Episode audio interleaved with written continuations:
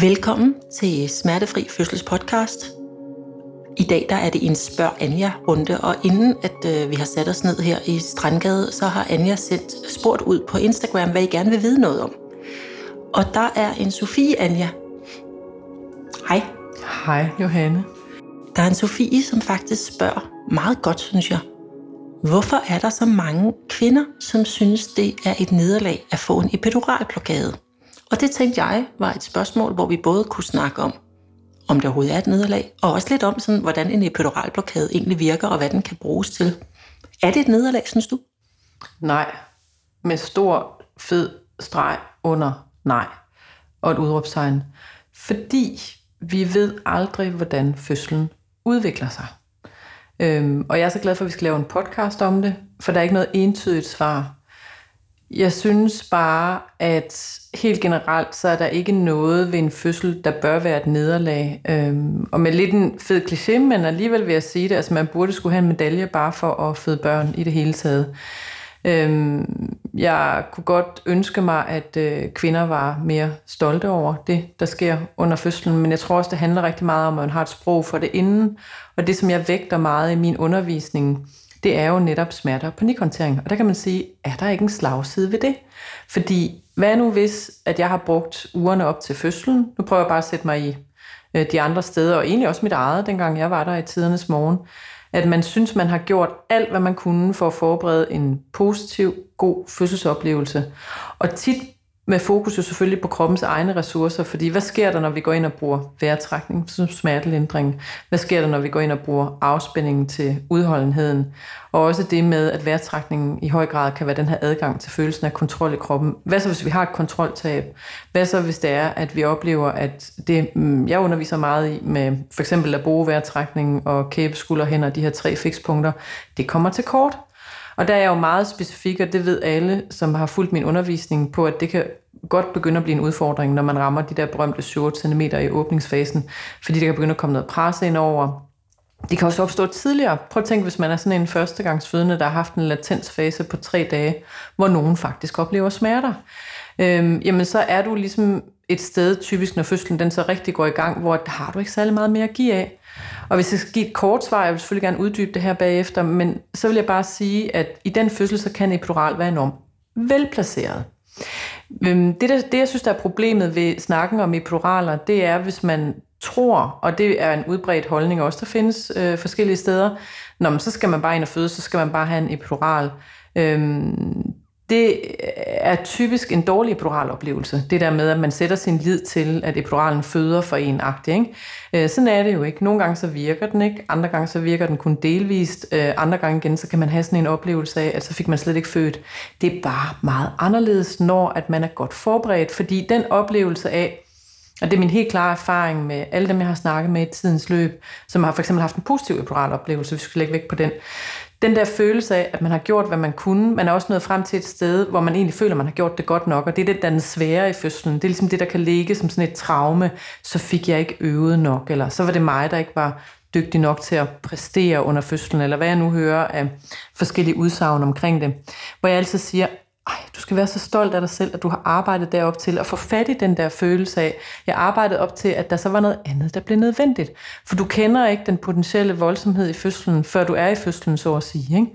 Øhm, og det er jo den der slagside, der kan være ved at forberede sig grundigt. Øh, der kan du stadigvæk ikke forudsige, hvad er det, der kommer til at ske undervejs. Så det er den x-faktor, vi nægter at anerkende på en eller anden vis. Ikke?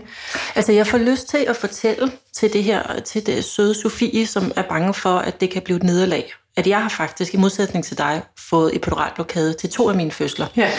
Øhm, den første var min, øh, med min ældste dreng, min første fødsel. Og dengang, altså i 2007, der var du, du havde ikke lavet dit kursus, der var nærmest ikke noget fødselsforberedelse. Og jeg havde fået sådan en idé om, at det nærmest sådan var feministisk at bede om en epiduralblokade. Hvorfor skulle man føde i smerte? Så da vi er sådan altså hvad er jeg, 3-4 cm åben, så vil hun lægge V-drop på mig, jordmoren. Jeg føder altid utrolig langsomt. Og så har jeg det sådan, jeg synes heller ikke, det er forkert, at jeg siger til jordmoren, hvis du alligevel skal gribe ind i min fødsel, så er den naturlige fødsel jo røget, så vil jeg også have en epiduralblokade. Og så siger hun ja, og så får jeg en epiduralblokade, der er 3-4 cm åben.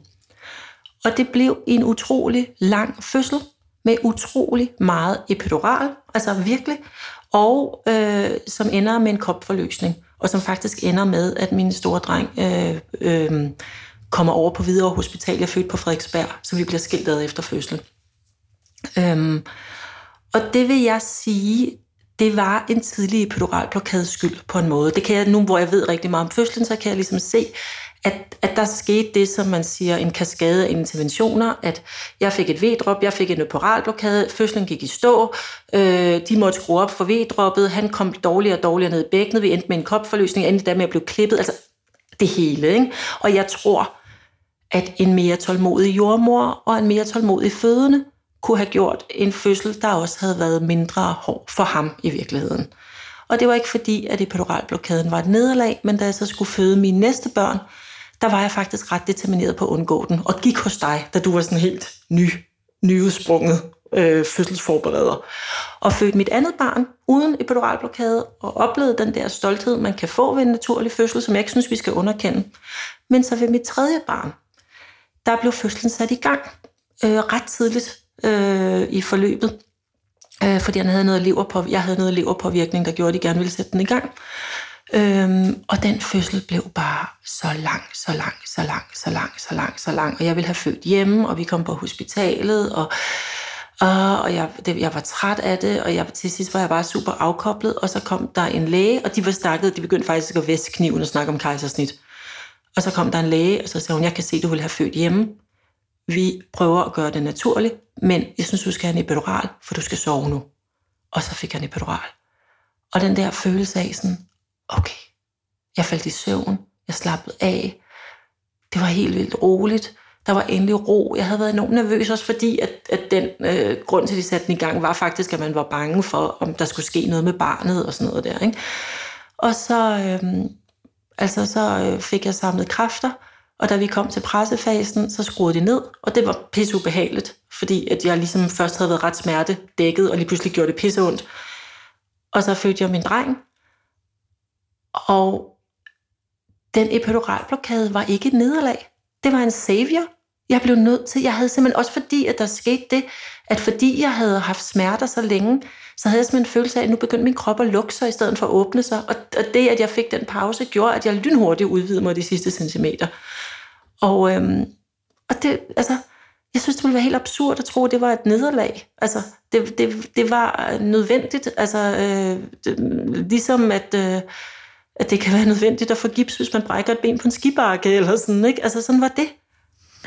Og jeg synes, at øh, der er noget virkelig vigtigt i den fortælling, du kommer med hen over tre fødsler, fordi der er bare en meget, meget stor forskel på, og derfor er jeg så glad for, at vi laver den her podcast, og føle, det er et tilvalg, fordi situationen udvikler som den gør, med det overblik, du så også har over fødsler på mm. det tidspunkt, mm. ikke? kontra at blive virvlet ind i det første gang, fuldstændig uforberedt, ikke have noget at arbejde med. Du har jo ikke noget anker i fødslen på det tidspunkt, ikke? Og så bliver det sådan et eneste valg, og der er meget, meget stor forskel på, om man gør det som et kvalificeret tilvalg, øhm, eller at man har den der oplevelse af, at det er simpelthen det eneste valg, jeg har. Det, det er to fuldstændig usammenlignelige situationer. Øhm, så derfor så er det jo en gave at have dig mikrofonen med lige præcis de fortællinger i bagagen. Og det synes jeg er et meget vigtigt budskab at sende ud til jer, der sidder og lytter med. Man kan ikke sige noget ensidigt om en epidural, så er det dårligt for fødslen. Når den er velplaceret, så er det virkelig en øh, kæmpe øh, stor hjælp i en fødsel. Men hvis det er det eneste valg, man har, så kan det føles som et nederlag. Og det kan det også godt for de kvinder, som er meget determineret imod, som du også bruger udtrykket, jeg vil gerne have en naturlig fødsel. Ikke? Fordi så har man ikke anerkendt, hvordan det er, at det kan udvikle sig undervejs. Jeg synes, det er Øh, jeg vil jo altid tale det op og, øh, og stræbe efter det, men jeg vil også altid tale op, at der kan være sådan en pragmatik, at nogle gange så kan fødsel også udvikle sig et andet sted hen, og det kan det altså være en meget positiv fødselsoplevelse at få en epidural, men det handler fuldstændig om din forberedelse, dit overblik inden, og hvad det er, du har at arbejde med, og det vil jeg så selvfølgelig til min dødsdag insistere på, på baggrund af det arbejde, jeg render rundt selv og laver, ikke? Men det, altså, det var også min erfaring, fordi at, at at det at føde så uforberedt, som jeg gjorde første gang, altså det vil jeg ikke anbefale nogen. Det var, det var dumt, øh, det var, der var for meget angst, Og der var for mange fikse idéer, der fik lov at få plads. For eksempel, at det kunne være en feministisk sejr at få en epiduralblokade. Det var en fiks idé, synes jeg. Altså åndssvagt, tænker og jeg. der ikke? findes jo også et ekvivalent til den, Johanne, fordi jeg oplever i sådan den store øh, øvre øh, middelklasse, der er der jo en anden fix idé, der hedder, at så er man mere sej, hvis man føder uden medicinsk smertelindring. Den oplever jeg meget fremhævet øh, hos dem, der kommer hos mig. Og det er jo ikke, fordi jeg vil pille det ned på nogen måde. Det synes jeg endelig, man skal holde fast i den der idé. Så skal man lære noget om egne ressourcer, men man skal også lære noget om, hvordan en fødsel kan udvikle sig. Så man ligesom har et ben i begge lejre, ikke? Og jeg synes ikke, at det forplummer den øh, tanke, at man så stadigvæk kan have en naturlig fødsel, men man kan sige, som vi også har drøftet meget uden for mikrofonen, det der med, lægger vores øh, hospitalsvæsen op til den naturlige fødsel, altså understøtter den den naturlige fødsel. Ikke? Øh, det vil jeg sige, det er ikke så ringe kår, man har arbejdet med, hvis man er godt forberedt, fordi så har man også et indblik i det, og hvad det er, man kan blive mødt med, hvad er det for nogle omstændigheder, man kan arbejde med. Men man er selvfølgelig på en mere hård bane, end hvis det er sådan, man har planlagt en hjemmefødsel. Ikke? Men vi ved jo heller aldrig, om den hjemmefødsel, den så kan blive eksekveret. Ikke? Så det er jo hele tiden den der meget sådan oplysende del om, hvad er mine muligheder, hvad har jeg at tage af, og der vil jeg så bare til enhver tid insistere på, at den gode fødsel vil rigtig meget være determineret af at være godt klædt på, og du havde jo ikke en chance for det, kan man sige, ved første fødsel. Jeg ved ikke, om du blev skubbet ind til et auditorieforedrag, eller øh, hvad du ligesom havde, eller om du læste politikens gravidbog, eller hvad du gik ombord i dengang. Skal du huske, om du overhovedet havde nogle ressourcer? Altså, jeg var til sådan et yogakursus, ja. øh, og jeg var også på noget forberedelse hos en jordmor.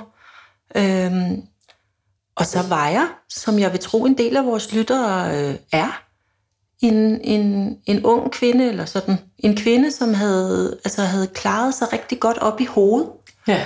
Det var mit første barn. Altså, jeg havde ikke dyrket øh, sport siden gymnastiktimerne i folkeskolen. Øh, øh, jeg, jeg var meget afkoblet fra min krop. Mm.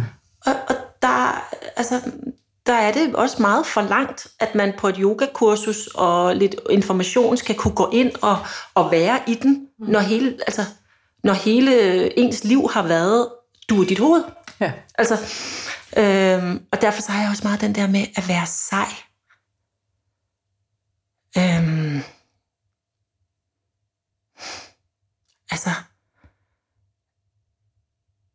hvordan din fødsel går, er ikke nødvendigvis, eller er ikke på nogen måde sigende for, hvor sej du er. Og det har jeg virkelig svært ved. Altså, ja. helt ærligt. Øhm, og, og jeg også synes, at der er noget omkring, jeg kan huske, at det gjorde enormt ondt på mig, at der var en jordmor, som sådan lidt efter sagde, sådan, at hun synes, man kunne se rigtig meget øh, om gravides personligheder på, hvordan de fødte. Øhm, og det slog mig meget ud, fordi ja. at, at, øh, at jeg følte, at hvis man det viste noget af mig, så var min første fødsel var, at jeg bare var sådan en lille pige, der lagde mig ind under, hvad læger og jordmøder sagde, og ikke tog noget ansvar selv. Og det var en enorm hård dom for en, en, en kvinde, der skulle ud og være mor. Øh, men, men faktisk vil jeg sige, at min næste fødsler øh, lærte mig noget om, at, at jeg faktisk, altså at jeg havde en styrke, og jeg kunne fortsætte. Og jeg synes også, det var en stærk kvinde, der så lægen i øjnene og sagde, du har ret, jeg skal slappe af, jeg skal have en epidural. Mm. Altså det var også en stærk kvinde. Ja, altså, præcis, hun præcis. var ikke mere eller mindre sej end hende, der fødte mm. nummer to, som var en enorm nem fødsel. Så det er jo også lidt sådan, altså min mellemste var meget lille for eksempel, han røg bare ud, ikke? Hun var ikke mere, mere eller mindre sej, og jeg kan også totalt tilgive hende der, den førstegangsfødende, som skulle, det enorme chok, som det er at få sit første barn, og blive så meget krop i en verden, hvor at kvinder på godt og ondt er meget hoveder. Mm. Men Anja, fordi det er også en oplysende podcast, så skal vi lige have lidt info om den der epidural. Hvad er det for en? Hvordan er den, den ligger? Hvad er det, vi, hvad er det den kan? Øhm, en epiduralblokade, det er et lokalbedøvende indgreb, og man bruger det for eksempel under øh, en operation eller fødsel. Nu taler vi om fødsler, ikke? Mm. men det kan altså også bruges på andre måder. Ikke? Og det man gør, det er, og det vil I kunne genkende alle jer, der sidder og lytter med, som har fået en epidural, det er, at man skal sidde helt stille. Øhm, og så øh, går anestesilægen ind i den nedre del af ryggen, og her placerer man sådan en lille kateter øhm, i den nederste del af rygsøjlen. Og det gør man ind imellem de hinder, som omgiver rygmavskanalen. Så det er faktisk fejlagtigt at tro, at det er en... Øhm, øh, der er mange, der tror, at det er en rygmavsbedøvelse. Altså det er ikke rygmaven, man går ind og bedøver i. Det er mellem de hinder, øh, der ligger derinde. Og øh, nogle af jer har måske også hørt udtrykket spinalblokade, som bliver brugt for eksempel til kejsersnit. Øh, og der kan man sige, at det der er det samme ved epidural og spinalbedøvelse, det er, at øh, det er to former for rygbedøvelse. Og øh, det er meget misvisende faktisk at kalde dem for rygmavsbedøvelse. Men kanylen eller kateteret, det trækker nemlig ikke ind i rygmagen. Øh, men bedøver primært nerverødderne, øh, som er sådan et nervebund, der udgår fra rygmagen til et bestemt område af kroppen. Men noget af det bedøvende middel, det trænger muligvis også ind i og bedøver selve rygmagen. Alt efter hvor bedøvelsen placeres, så bedøves nerverne til dele af underlivet, benene eller brysthulen. Og det er jo så der, hvor at øh, epidural for eksempel har fået dårlig ry for at give lammelse i benene, eller det kan, man kan også få sådan en øhm, spinal hovedpine, som man kalder det, hvis man kommer til at bryde de hænder, som det lægges ind i mellem. Ikke? Men jeg vil sige sådan fra en, der har prøvet det, ja. at det, der er sket, det er, at for mig i hvert fald, så føltes det fuldstændig som når man er til tandlægen og får lagt en bedøvelse i munden. Altså den samme følelse af, at det faktisk er ret ubehageligt at, ligesom at blive prikket der, og så den der følelse af, at lige pludselig, så er hele ens underliv lavet af vat. Altså, sådan, altså den der, mær- ja. Ja, altså sådan den der mærkelige følelse af, at, at nu, nu, er, nu er det her, øh, jeg kan mærke, at det er der, men det er der ikke på den måde, det plejer at være. Sådan føles det. Hmm. Men Anja, hvad er, hvad er fordele og ulemper ved sådan en epiduralblokade i en fødsel? Jeg synes, den åbenlyse fordel, som man klart skal fokusere på, hvis man kommer i den situation, at man er for pint. For eksempel, du fortæller det meget fint, allerede ved 3-4 cm, så oplever du faktisk at være i et rum, hvor du overhovedet ikke kan udholde at være i din egen krop. Jeg ved godt, du sagde det lidt på en anden måde, men det er det, jeg hørte dig sige. Mm. Øhm, og der synes jeg, det er en ganske glimrende idé. Du er i en fødsel, du ved, det kan være rigtig lang tid igen. Det kan give dig et velkomment helle, fordi det er meget tidligere at være så smertepåvirket. Øh, og der synes jeg, at en epidural, den er virkelig øh, velplaceret. Der, hvor den er dårligt placeret, og det er ikke fordi, der er nogen, der forholder nogen noget. Jeg hører ofte det udtryk fra øh, dem, der skal ind og føde, så siger de, åh nej, jeg må hellere få lagt den tidligt, fordi ellers så lukker vinduet. Og det er altså ikke min oplevelse i dag, at vinduet det lukker. Øhm, man er meget rundhåndet med epiduraler. Man kan bare sige, at man betaler typisk prisen for den, hvis det er, at man får lagt den op ved 7 cm. Det er meget sent at få lagt en epidural. Der skal man både tænke som fødende, hey, der er kort tid igen. Vi er ikke ude i en situation, hvor den bliver øh, lagt altså sammenlignet med tidligt i forløbet. Det er den ene ting. Den anden ting er, at den pris, man betaler for at få lagt en epidural, som du også selv fortæller, det sker i alle fødsler, så vil man altid øh, slukke den, når man kommer til pressefasen. Hvorfor slukker man den? Det gør man i håbet om, at den fødende kan mærke pressevejerne, for ellers er det meget svært at arbejde med på motorvejen, så at sige, og mærke, hvad der sker ikke i den der gennemkørsel, der er af vejer. Øhm, hvis du ikke kan mærke din vejer, så er det ekstremt svært at arbejde med kroppen, og så typisk så betaler man prisen ved at få nogle bristninger, som man typisk ikke gider ud i, hvis man skulle sige det lidt tørt. Mm. Øhm, men det ville jeg da aldrig nogensinde tænke på, Johanne. Hvis jeg var fødende, der var i en situation, hvor jeg var forpint ved 3-4 cm, så er jeg altid sådan i undervisningen, så fyrer jeg den bare af med epidural, fordi der er den godt velplaceret. Jeg vil ikke sidde og tænke konsekvenstænkning, jeg vil ikke læse, eller jeg vil ikke tænke på noget som helst, jeg har læst på det store internet, altså med bivirkninger osv., at epiduraler i dag er så avanceret, at øh, det skal man endelig bare kaste sig ud i, hvis altså man er for pin fra et øh, tidligt tidspunkt. Det er, min, det er mit klare budskab inden for det. Ikke? Så selvom man kan læse ind på alle mulige bivirkninger og bristninger og hvad ved jeg, så er det jo ikke øh, hugget marmor, så bliver det præcis på den måde, og det synes jeg bare er et øh, alt for nuanceret fokus i bund og grund at have på det tidspunkt. Ikke? Så, så lad smerteoplevelsen overrule, hvad man ellers øh, har af, af tanker omkring det. Og så er det, jeg må sige noget, som på en eller anden måde ikke taler til pedoralens fordel, men jeg synes, vi bliver nødt til at sige. Der er nogle studier, som viser, at altså epidural jo øh, forhindrer oxytocin-niveauet i at stige. Og det vil også sige, at øh, den der naturlige øh, altså oxytocin-niveau, øh, oxytocin forbereder os jo også på at tage imod vores barn og knytte os til det. Øhm, og min oplevelse, og det, altså jeg, øh, jeg hader at sige det, fordi der er nogen, der kommer til at få en epidural, og de kan så blive bekymrede nu. Men min oplevelse med min første fødsel, hvor jeg havde haft en epidural i meget, meget lang tid, det var, at de tog jo min søn og kørte ham væk. Og det accepterede jeg. Og da jeg så blev genforenet med ham, så havde det bare sådan, ej, må jeg godt komme ned og sove. Og så sov jeg i otte timer. Og så øh, var jeg så, så mødte jeg ham, og vi blev knyttet til hinanden, og tilknytningen blev meget dyb, så det er ikke det. Men det kan jeg ikke forestille mig kunne være sket i min anden fødsel, hvor jeg ikke fik epidural. Jeg kan simpelthen ikke forestille mig, at jeg havde lavet min baby være alene i 8 timer, mens jeg lå og sov. Det oplevede jeg faktisk sådan ret tydeligt, at jeg havde ikke den samme åben, åbenhed for at møde mit barn. Øhm, num, altså, som jeg fik oplevet nummer to og nummer tre fødsel. Men Johanne, der vil jeg også bare sige, jeg, jeg er helt med på, hvad du siger, og jeg kender de faktuelle ting omkring det.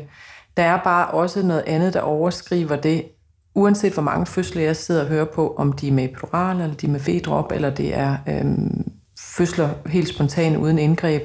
Der, hvor man har sværest ved at forstå, altså eksistentielt tror jeg, hvad det er, der er sket det første fødsel. Yeah. Altså uanset hvad der så har været mm. af dit dut og dat undervejs. Så det, det tror jeg faktisk overskriver mange af de ting. Selvom jeg godt ved, det er faktuelt, det du siger med epiduralen. Jeg tænker bare, hvor meget kan vi bruge det til? Fordi du kan jo ikke øh, gå ind med den viden til en fødsel, og så øh, forholde dig selv og få en epidural og være forpint hele vejen igennem det. Det synes jeg jo er snot dumt for nu at sige det, som det er. Det synes jeg hellere, man skal sige. Og så vil jeg også altid til enhver tid sige, hvis vi lige skal have noget mere oplysning på den bane, et V-drop gør jo fuldstændig samme, og det gør det faktisk i, i værre grad, end øh, en epidural gør. Et V-drop er den kunstige form af oxytocin, det man kalder for syntocinon. Og når man får pumpet det ind i kroppen, øh, og det der er jo altså øh, mere end 50 procent, der gør, når de føder første gang, det er jo en utrolig stor procentdel, der føder på et V-drop, så tror kroppen, at den overproducerer sin egen oxytocin. Og oxytocin er jo ikke kun et V-hormon, det er også et øh, tilknytningshormon, som netop, som du selv så fint siger, sørger for, at vi knytter os til det afkom, der kommer. Øhm, men der kan man bare sige sådan her, også selvom vi ved, at det giver fødselsdepressioner, altså øh, det er jo en meget stærk bivirkning, der er aflæst ved øh, anvendelse af syntocinon, og at vi kan give vores børn meget senere mælk, så typisk har du meget grædende barn bagefter, hvilket jo også kan være vældig strapasserende både for øh, babyen og dig selv. Øhm, så vil jeg bare sige, med alle de oplysninger, så vil jeg gå ind til en fødsel med skyld og skam, hvis mm. sådan, jeg havde født på et vedrop. Jeg vil allerede tænke, når jeg får det vedrop i guder, nu bliver jeg sådan en, der ikke kan tage mig af mit barn. Altså, du ved, der kan, der kan opstå mm, nogle tanker mm. på den der oplysningskonto. Ikke? Der siger jeg altid til jer på kurset, husk nu på, jer der kommer til at føde på et vedrop, for det vil der være nogen herinde, der gør. Jeg kommer ikke til at lave sådan en undskyld mig, men yogaundervisning, hvor så skal vi alle bare øh, føde naturligt, og så er det Heidi Ho. øh, så vil jeg altid sige, du er ikke et får. Du er et dybt intelligent menneske. Hvordan er det, vi får den naturlige oxytocin op at stå igen? Hvis vi har fået indgreb undervejs, skal vi være ekstra opmærksom på det. Sørg for hud mod hud, altså i overdrevet form, når at babyen kommer til verden, fordi det er faktisk igennem den sansning, øh, vi øh, i høj grad begynder at producere vores egen oxytocin igen. Øh, sørg for at spise rå meget øh, chokolade bagefter. Det er faktisk også et råd, jeg giver, fordi vi ved, at, at chokolade er oxytocin-producerende. Oxytocin er jo også det her kærlighedshormon, som øh, det er også derfor, det har vi jo i høj grad i blodbanen, når vi bliver forelsket i et andet menneske, når vi siger til et andet menneske, skal vi ikke forplante os sammen. Ikke?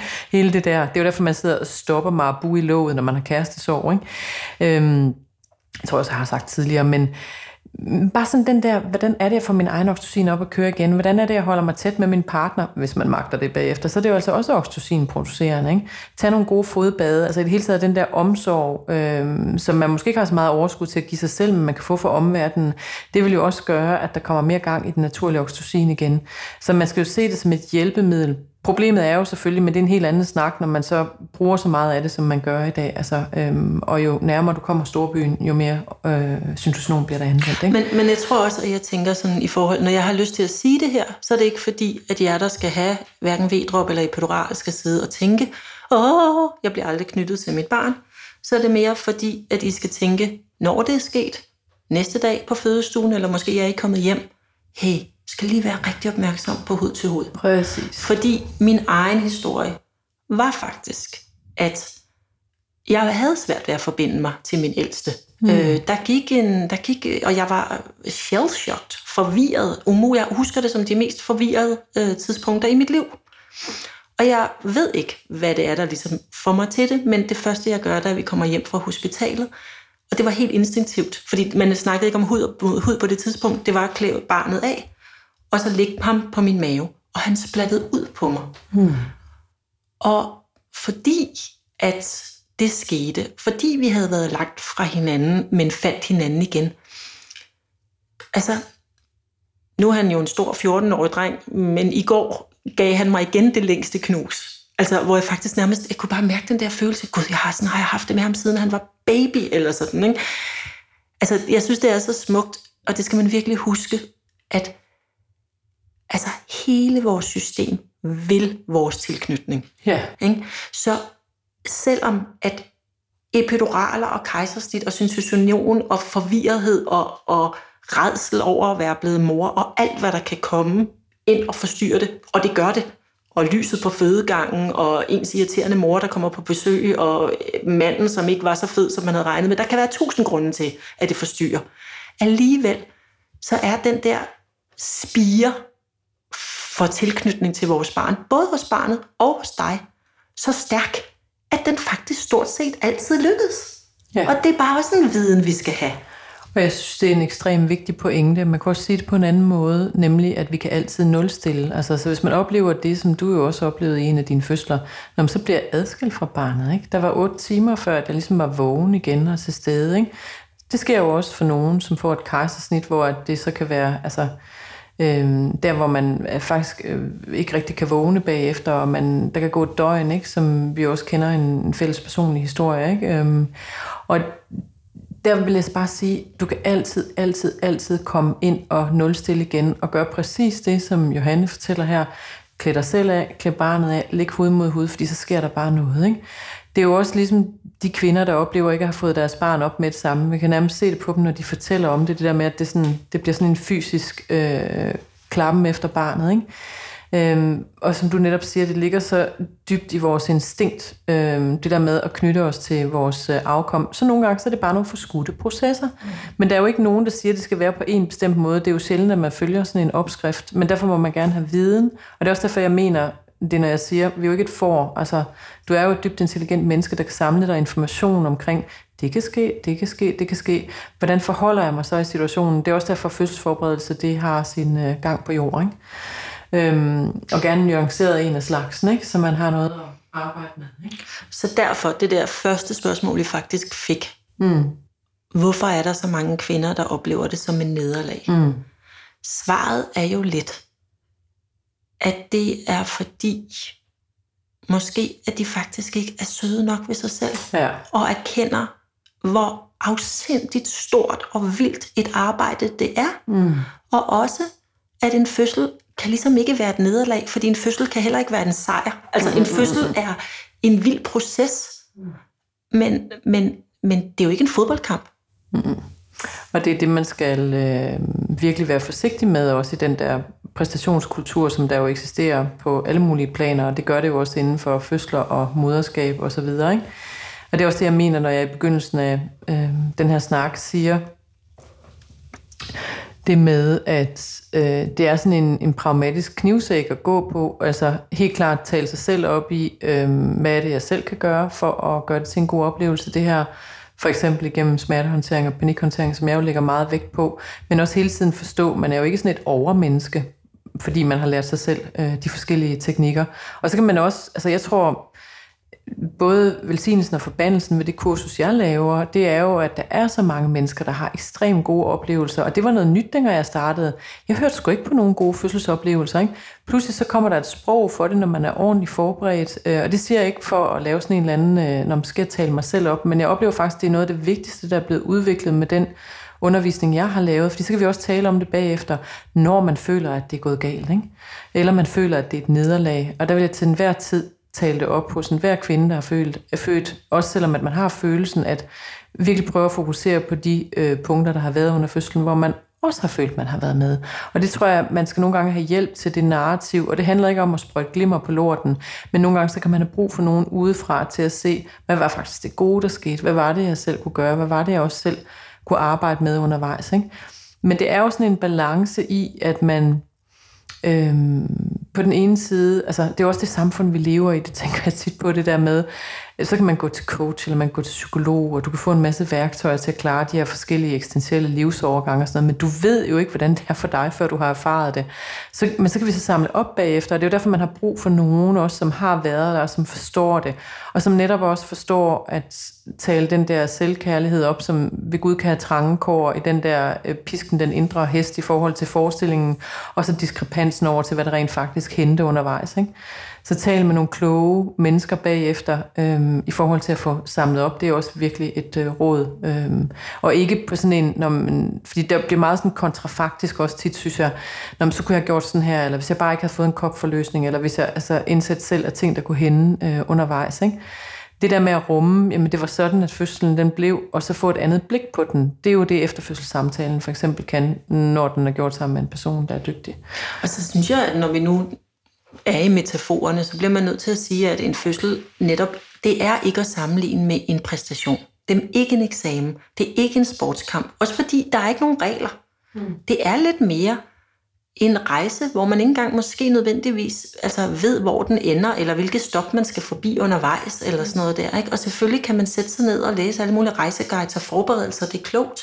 Mm. Men man står i det på et tidspunkt. Og det fine ved det er, at sådan er det også at være mor. Altså, lige nu så ham der, i pædoralbarnet, han er 14 og har hår under armene. Jeg ved sgu ikke, hvordan det er at have et barn med hår under armene. Han er mit første, ikke? Og det... Øh, og, og jeg bliver også nødt til at erkende hele tiden, at der var sgu noget, jeg kunne have gjort bedre. Der var noget, jeg ikke fik gjort. Der var noget, hvor jeg virkelig gjorde det godt, men hvor jeg faktisk slet ikke vidste, at jeg gjorde det godt. Og i sidste ende, så det barn, der lige om lidt bliver til en mand, han er også sin egen. Og han er, vi, og han er et produkt af en masse processer, vi ikke kunne styre. Lige præcis, og det er jo det der med at vide, og det tror jeg heller ikke, man ved, før man har været i det, hvor til går min egen beføjelse. Men det må aldrig nogensinde tage nerven ud af, at det altid, altid, altid vil være en bedre oplevelse, når man er forberedt sig. Men jeg synes også, det handler meget om, hvordan man tolker de redskaber, man har fået i hånden. Ikke? Fordi tolker du det sådan her, nu er jeg gået til smertefri fødsel, så skal jeg have en naturlig fødsel, fordi jeg ved, der er så mange, der har naturlige fødsler, eller har haft den her oplevelse. Husk på, at du dig selv aldrig nogensinde sammenligne din fødsel øh, med andres højst lad dig inspirere, og så have den der åbne havelov overfor, det kan gå alle steder hen. Det kan også være dig, der får karsesnittet. Det kan også være dig, der får kopforløsningen. Det kan være alle de der ting, ikke? Men det skal aldrig nogensinde se nerven ud af at lave en forberedelse, som fokuserer rigtig meget på det spontane forløb, fordi der lærer man også meget inde. Men det skal altid være med det der twist, der hedder, hvis du så får et vedrop, hvad gør vi så? Ikke? Hvis det er, at øh, du får en kopforløsning, jamen, hvordan er det, man kan lede op til det? Det bør vi også lave en helt øh, selvstændig podcast omkring. Jeg underviser for eksempel ikke øh, grundigt i, hvad så hvis du får et kejsersnit. Jeg er mere sådan oplysende omkring, selvfølgelig findes det, fordi der er meget nogle andre, der tager over, og der ligger helbredelsen bagefter, og det gør det jo også ved den vaginale fødsel. Der er altid noget at pille i, ikke? altså på den gode måde. Øhm, så man kan sige, også som jeg sad og tænkte på, um, da du sad og fortalte om dine fødsler, og hvad var det, du kunne have rummet, du ved, tredje gang, som du ikke forstod første gang? Altså hele det der, som jo bund og grund bare er livserfaring, ikke? Øh, men som jeg opleves meget, meget sådan erkendende for den enkelte inden for de forskellige tre fødsler, du er gået igennem. Øh, man har sådan lidt en kliché inden for fødsler, øh, hvor man taler om vores udviklingspotentiale, som ligger meget forankret faktisk i både fødslerne og jeg vil også sige forberedelsen og i, øh, øh, ja, i det hele taget det at gå ind og blive øh, forældre og blive mor. Øhm, og der vil jeg sige, at det er der virkelig en stor sandhed i, men man ved jo ikke, hvordan den udvikling kommer til at se ud for en selv. Men jo mere du ligesom har fyldt noget sprog på, jo mere du har fyldt, vil jeg også sige, redskab på, til at have sådan en følelse af, at jeg har faktisk noget hjælp til selvhjælp, men drop den der illusion om, at det skal være på en særlig måde. Det er der, hvor vi lidt kan gå galt. Min erfaring er helt klart, at det handler om, er du ordentligt forberedt på, at de forskellige ting kan ske, og så med sådan et udsagn, som jo er vældig øh, engelsk, men jeg prøver lige at oversætte det til dansk. Det, der. det handler jo ikke om, og det ligger også meget i det, du fortæller, øh, hvorvidt det regner. Det handler om at lære at danse i regnen. Øh, så brug det bedste af de der, eller if you got lemons, øh, hvad, hvad er det nu der? Hjælp mig. Ikke mere Instagram, visdom. Anja, vi lukker her, Instagram. men øh, ja, jeg synes, ja, vi har præcis. givet, hvad vi kan. Nej, det kan vi ikke slutte den på, Johanne.